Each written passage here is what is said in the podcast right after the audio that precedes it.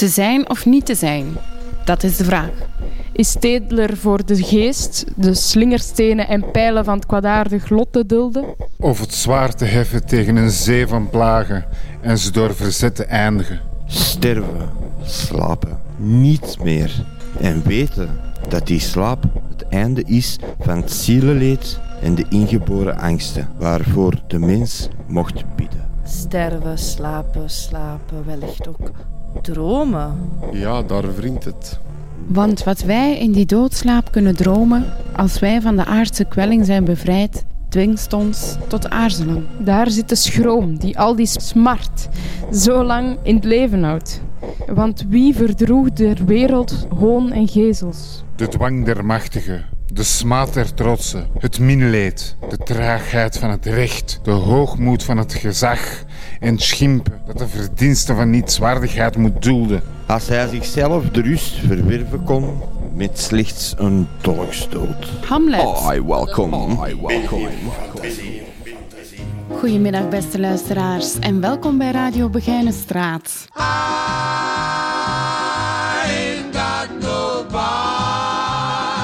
Deze middag heb ik ten gast niemand minder dan Hamlet. En... Hallo? Hallo. Hallo, ja. Hoi. Ja, ik heb net zo uw tekst doorgenomen. Te zijn of niet te zijn, dat is de vraag. En dat is inderdaad een heel belangrijke vraag. Wat is eigenlijk uw boodschap achter deze zo ontzettend belangrijke vraag? Ja, te zijn of niet te zijn eh, heb ik eigenlijk meer geschreven voor mensen die een beetje verloren lopen.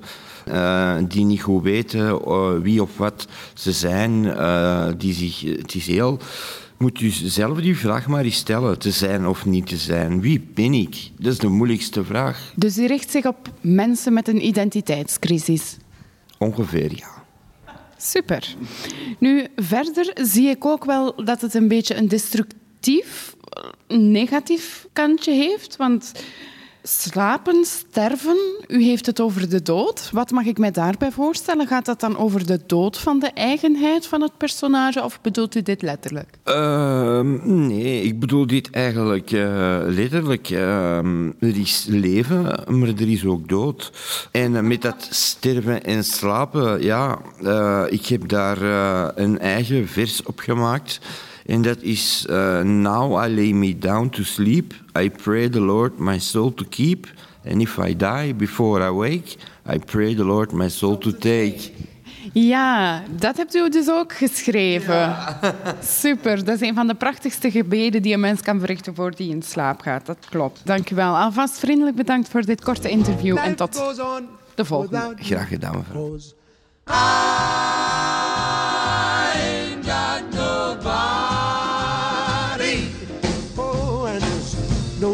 Dag beste luisteraars, ik heb hier vandaag een pracht van een gast bij mij. Mag ik u vragen hoe u heet en hoe u gerelateerd bent tot Hamlet? Ik weet wat het antwoord op de vraag is.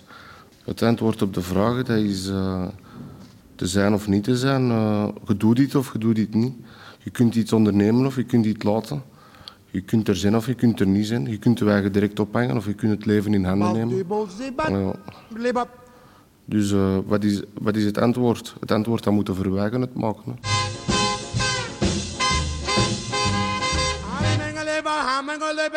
Geachte luisteraars, voor mij zitten jonkvrouwen voor de moment.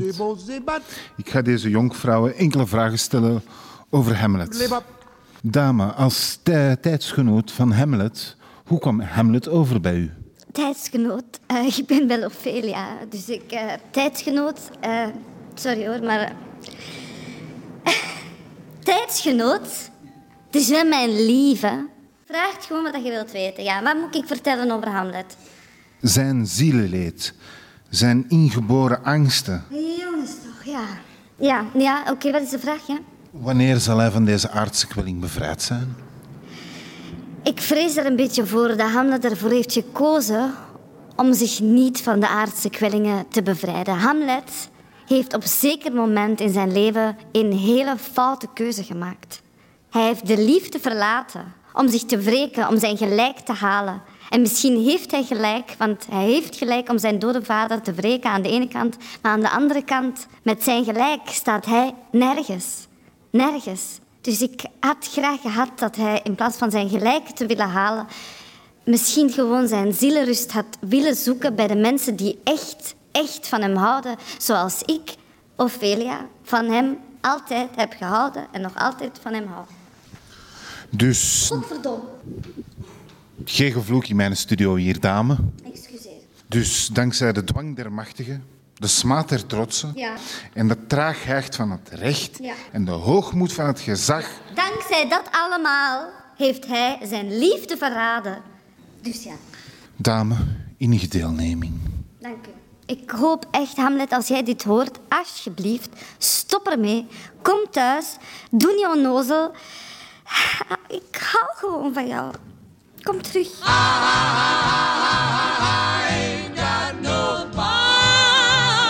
Ja, ja. Ik denk dat we... Pardon. Ik denk dat we dat hier allemaal al eens beleefd hebben. Dat we een moment hebben gehad waarop dat wij denken... Pot vol koffie.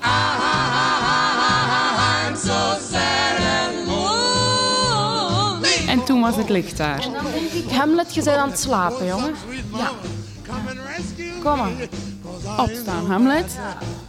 Gaan we daarmee afronden voor vandaag? Ja, dat is goed. Oké, dank u wel, lieve luisteraars. Bedankt dat u erbij was.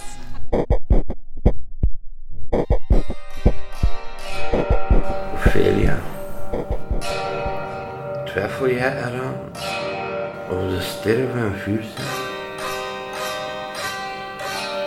Twijfel je eraan of de zon wil bewegen? Twijfel je